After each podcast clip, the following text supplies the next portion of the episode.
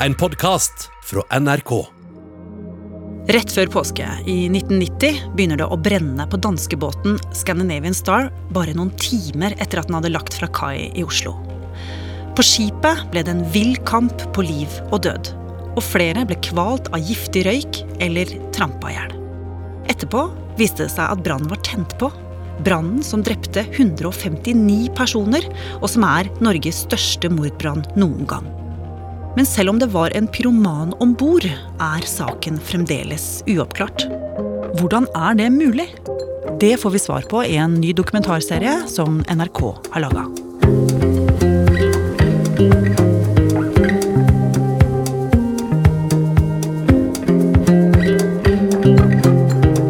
Du hører på Oppdatert. Jeg heter Ragna Nordenborg. Det er jo en uvirkelig sak, hvor danskebåten plutselig blir et brannhelvete og 159 mennesker dør.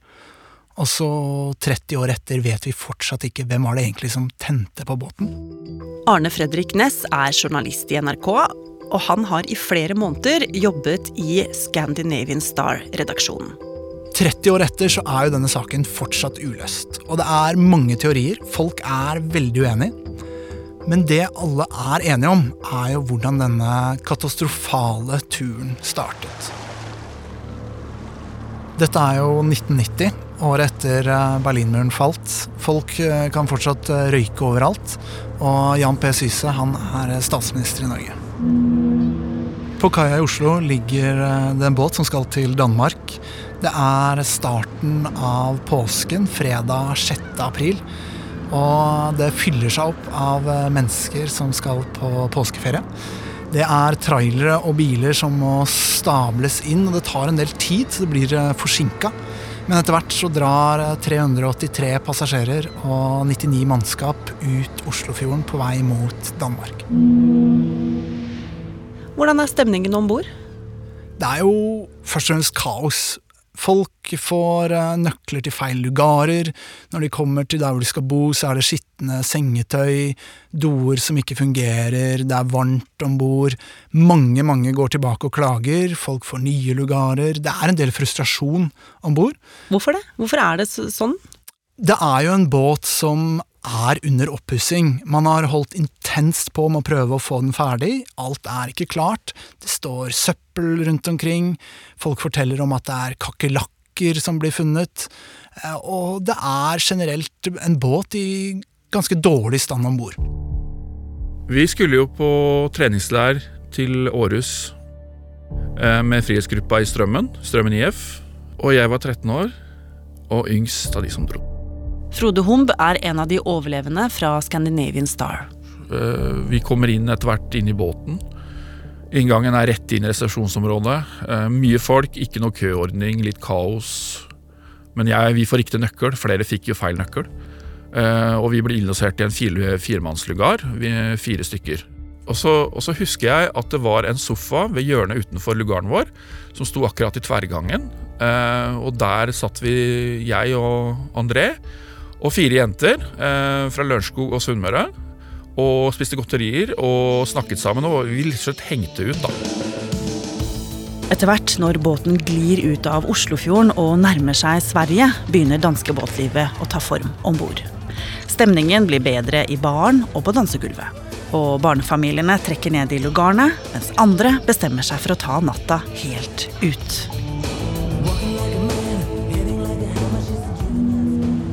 Og vi får beskjed om å gå og legge oss. Så vi går ned på lugaren og legger oss. Og der ligger vi jo ikke spesielt mye ro pga. ventilasjonsanlegget om bord, som ikke fungerer som det skal. Det var lummert, og det var uh, trykkende. Vi får jo ikke sove i hele tatt. Og så sier vi vet du hva, vi går opp i, i danserestauranten, og så ser vi på de store gutta, for dem har jo fest der oppe. Skal akkurat bort i trappen. Og så møter vi da på Jon og Tommy. Eh, vi blir stående da i, ved denne trappen og prate. Eh, og så ser jeg eh, at det begynner å sive opp røyk fra trappesjakta eller trappegangen. Fra dekket under. det er en lys, grå røyk, nesten som et bål. Og vi ser, på, vi ser på hverandre og begynner å løpe ned gangen for å komme bort til resepsjonen. Og vi sier det brenner, men de tror, tror, tror ikke på oss. Så de sender en, et av mannskapsmedlemmene som kan litt engelsk, eh, og han løper da inn i gangen vi kom fra. Og Så går det noen sekunder, så kommer han ut igjen ganske bøyd og sier eh, noen stygge ord. Frykten kommer med en gang. Jeg blir livredd. Og så tar hun opp telefonen, hun som står i resepsjonen, og sier Fire on coral deck, fire on coral deck, fire on coral deck. Og så er det i gang. Det Frode har oppdaget, er faktisk den andre brannen om bord denne kvelden. For 20 minutter tidligere så har det blitt slukket en liten brann i en korridor, hvor noen hadde tent på noe sengetøy og en avis. Men denne brannen ble raskt oppdaget og slukket av passasjerer. Men brannen som Frode og kameraten hans nå har oppdaget, er påsatt på motsatt side av skipet, og har allerede rukket å brenne kraftig og er på vei til å spre seg rundt på skipet. Og det er nå katastrofen starter for alvor. Og hva gjør folk for å komme seg ut og vekk? For de som var på dansegulvet og høyt oppe i båten, så var det relativt enkelt å kunne komme seg ut. Mens for de lenger ned i båten så var det mye vanskeligere. Folk våknet jo av brannalarmen eller av folk som ropte, mens noen steder så hørte de nok heller ikke brannalarmen. Så noen blir jo liggende og sove, mens andre prøver å komme seg ut. Og ganske raskt så blir korridorene fylt opp av en svart røyk som gjør at det både blir livsfarlig og vanskelig å se hvor man skal gå hen. Nødskiltene er oppe i taket, som gjør at par eh, velger å gå hver sin vei. Den ene ender i en eh, blindkorridor, mens den andre klarer å komme seg opp en trapp. Jeg kommer meg opp på, på dekket over og så får jeg da en stor tanke om at jeg også skal være helt, og havner da inn i restauranten for å dra noen duker for å gi til de som ikke har klær på seg. Og det som skjer der inne, er at jeg er fanget i en felle. Eh, det kommer røyk opp, og vi må skyve døren til restauranten igjen. Og da er det jo ingen andre veier ut. Eh, og så sier plutselig en av mannskapet at eh, det er en utgang bak kassa her. Og så lukker den opp døra. Den er stor og tung, vi får den opp. Og så er det en veldig bratt trapp som går helt opp til dekket der hvor livbåten er og da er jeg ute i det fri. Ute i friluft så er det stjerneklart og ganske stille, men likevel fullt kaos. Der er det få mannskap som vet egentlig hva de skal gjøre, fordi de har bare seilt med båten en uke, og de har ikke hatt brannøvelse. Nei. Og veldig mange av mannskapet var portugisere, hvor mange av de ikke snakket engelsk, som gjør at de ikke klarer å kommunisere med passasjerer. Og generelt så vet man ikke hvem er det egentlig som har ansvar for hvilke livbåter. Og mange av livbåtene har jo ikke motor engang. Så det er panikk på dekk, og folk føler at uh, ingen egentlig har kontroll. Men etter en times tid så har de aller fleste overlevende fått kommet seg i livbåtene. De har blitt satt på vannet, og etter hvert blitt plukket opp av båter som har kommet til for å hjelpe. Samtidig som dette skjer, så har det gått ut mayday, og etter tre timer cirka, så kommer svenske brannmenn med helikopter og blir firt ned på skipet og begynner redningsarbeidet om bord. De begynner å banke på lugardører, og etter hvert så oppdager de jo mennesker som fortsatt er levende, som bare har ventet på at noen forhåpentligvis skulle redde dem. Men det er jo også veldig mye fælt som møter disse første redningsmennene og -kvinnene. Helt klart. De skjønner ganske snart at dette ikke er noe vanlig oppdrag. De finner titalls av døde mennesker både i korridorene og inne på lugarene. Det er mennesker som eh, har dødd eh, mens de holdt rundt hverandre. Par som har lagt seg oppå barnet sitt i et siste forsøk på å prøve å skåne det mot det som kom.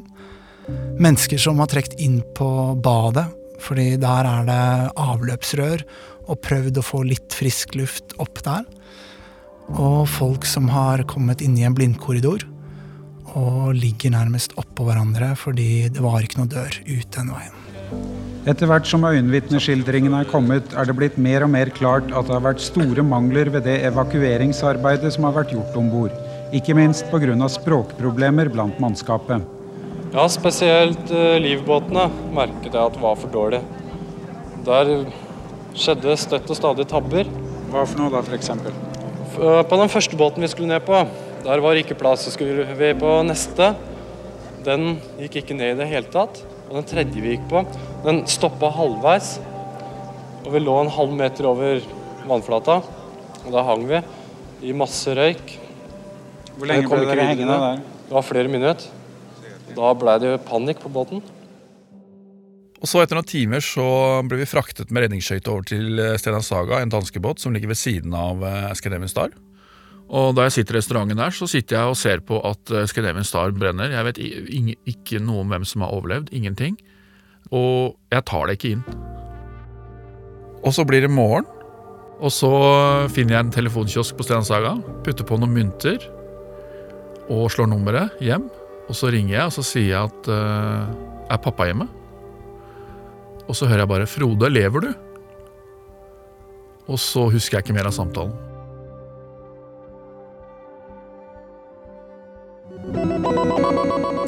Her er Dagsnytt med en utvidet sending. Det pågår nå fullt rednings- og evakueringsarbeid etter at det oppsto brann i passasjerfergen Scandinavian Star ved 2.30-tida i natt. Brannmannskaper som arbeider om bord på Scandinavian Star, tror ikke det finnes overlevende i skipet, som nå ligger ved havn i Lysekil i Sverige. 75 omkomne er funnet til nå, 71 er fremdeles savna. Til slutt så ble det jo klart at eh, det var 159 mennesker som hadde dødd om bord. Oslo domkirke ble for lita i dag. Kirka har plass til rundt 900 mennesker, men det var langt flere som ville delta i minnehøgtida. Men Arne Fredrik, du som har eh, sett denne historien litt utenifra. Du sa jo at det var stor enighet om hendelsesforløpet inntil et visst punkt. Når er det kontroversene begynner? Jo, de starter når man skal begynne å finne ut av hvem var det egentlig som gjorde dette, hvem sto bak. Oslo-politiet får hovedansvaret, og de begynner å avhøre alle som har vært om bord, undersøker. Og etter hvert så begynner de å se på en som tidligere har vært dømt for pyromani i Danmark, og som har vært om bord i skipet når det brant. Oslo-politiet etterforsker nå en tidligere domfelt dansk brannstifter i forbindelse med brannen på Scandinavian Star. Hva kan du fortelle om han? Det vi vet, er at han het Erik Mørk Andersen. Han døde om bord i brannen. Han hadde stiftet branner i flere bygninger i Danmark, bl.a. et hotell. Og så hadde han gått og lagt seg ved flere anledninger i samme bygning som han hadde tent på. Det man også fant eh, i disse dommene, var at eh, veldig ofte så var det alkohol involvert, og det var dameavvisning involvert. Og Politiet i Oslo mente at eh, flere av disse tingene lignet på noe av det som kunne ha skjedd om bord i Scandinavian Star. Altså at han hadde blitt avvist av damer og rett og slett blitt forbanna? Yes. I tillegg så fant de at han hadde kjøpt en avis om bord i Scandinavian Star. Og det var samme type avis som var blitt brukt til å antenne den første brannen. Det høres ut som det er han? Det mente politiet også. Og i 1991 så konkluderte de med at eh, det måtte være han, med stor grad av sannsynlighet. Siden han var død, så henla de da saken og tenkte da er vi ferdig med den. Men så enkelt var det ikke. Her kommer kontroversen. Ja, for i 2014 så har Oslo-politiet et år gått gjennom alle saksdokumentene og finner ut det er ikke nok beviser for å si at det helt sikkert var denne Erik Mørk Andersen. Det er rett og slett ingen som har sett han gjøre det, og man har ikke noe håndfaste bevis. Og da er jo spørsmålet hva annet kan ha skjedd om bord? I mange år så har det jo vært mange ulike teorier, og spesielt én har vært i fokus. Det er en del som hevder at eh, det som skjedde på Scandinavian Star, var at noen planla å antenne for å få forsikringsutbetaling. Men hvem skulle egentlig hatt interesse av det? De som er opptatt av denne teorien, mener jo at eh, det var et amerikansk selskap, som også var de som fikk forsikringen for denne brannen. Så forsikringssvindelteorien den går altså ut på at et amerikansk rederi har sendt noen folk til å tenne på en båt som går mellom Norge og Danmark for å få penger fra forsikringsselskap? Ja, for det var en handel som fortsatt holdt på når denne brannen skjedde. Hvor det var et amerikansk selskap som solgte denne, dette skipet til noen dansker. Og det var flere som hadde jobbet for det amerikanske selskapet, som var med skipet da det brant. Den tidligere danske skipsinspektøren Flemming Tue Jensen hevder at to av mannskapet sto bak brannen. Altså besetning. Som jobbet som besetning. Og hva skal de ha fått i oppdrag å gjøre? Ja, de som eh, er på den teorien, mener jo at uh, disse er de som Noen av disse, i hvert fall. Er de som står bak å planlegge denne brannen. Og etter hvert også komme tilbake på skipet og sørge for at nye branner oppstår. For det brenner jo i 38 timer til sammen. Uh, og nye steder så tar det fyr det man har ment når man har sett på dette og Stortingets granskningskommisjon undersøkte i 2017, så kom de fram til at nei, dette her, dette er følgebranner.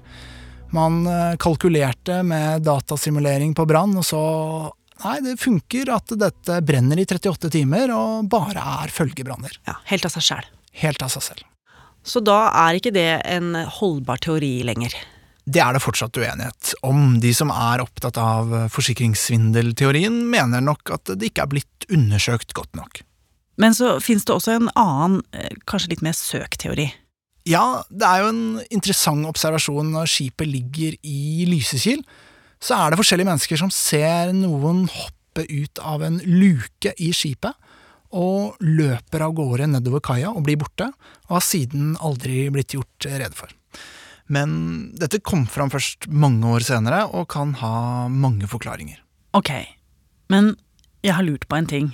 Kan alt bare ha vært uflaks? Altså at det ikke har vært noen som har tent på med vilje?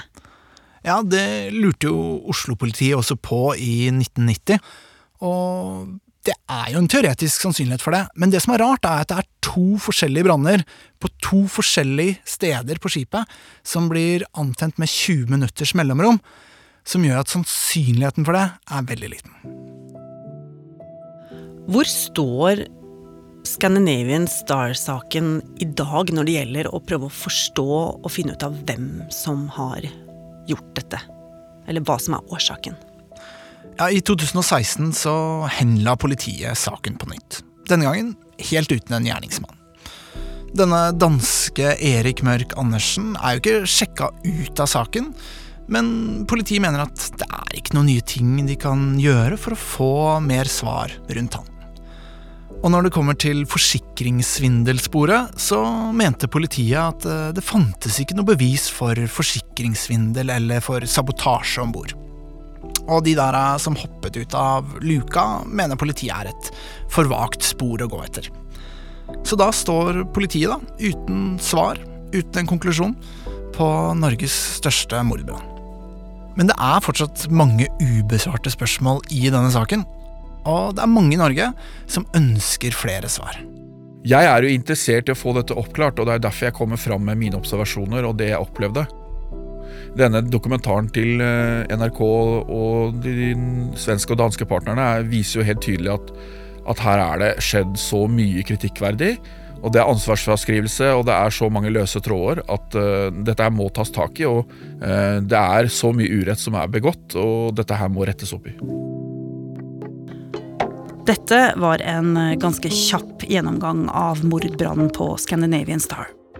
Vil du høre mer om alt det merkelige i denne saken, har våre kollegaer i podkasten Hele historien laget nettopp det.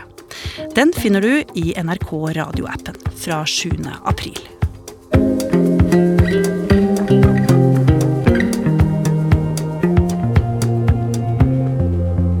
Oppdatert er en podkast fra NRK Nyheter. Og hvis du ikke vil gå glipp av neste episode, så kan du abonnere i appen NRK Radio. Bare søk opp Oppdatert, så finner du oss. Denne episoden var laget av Jørgen Vear, Viljar Losnegard, Petter Sommer og meg, Ragna Nordenborg. Vil du kontakte oss, gjør det på oppdatert krøllalfa nrk.no. Du har hørt en podkast fra NRK. Hør flere podkaster og din favorittkanal i appen NRK Radio.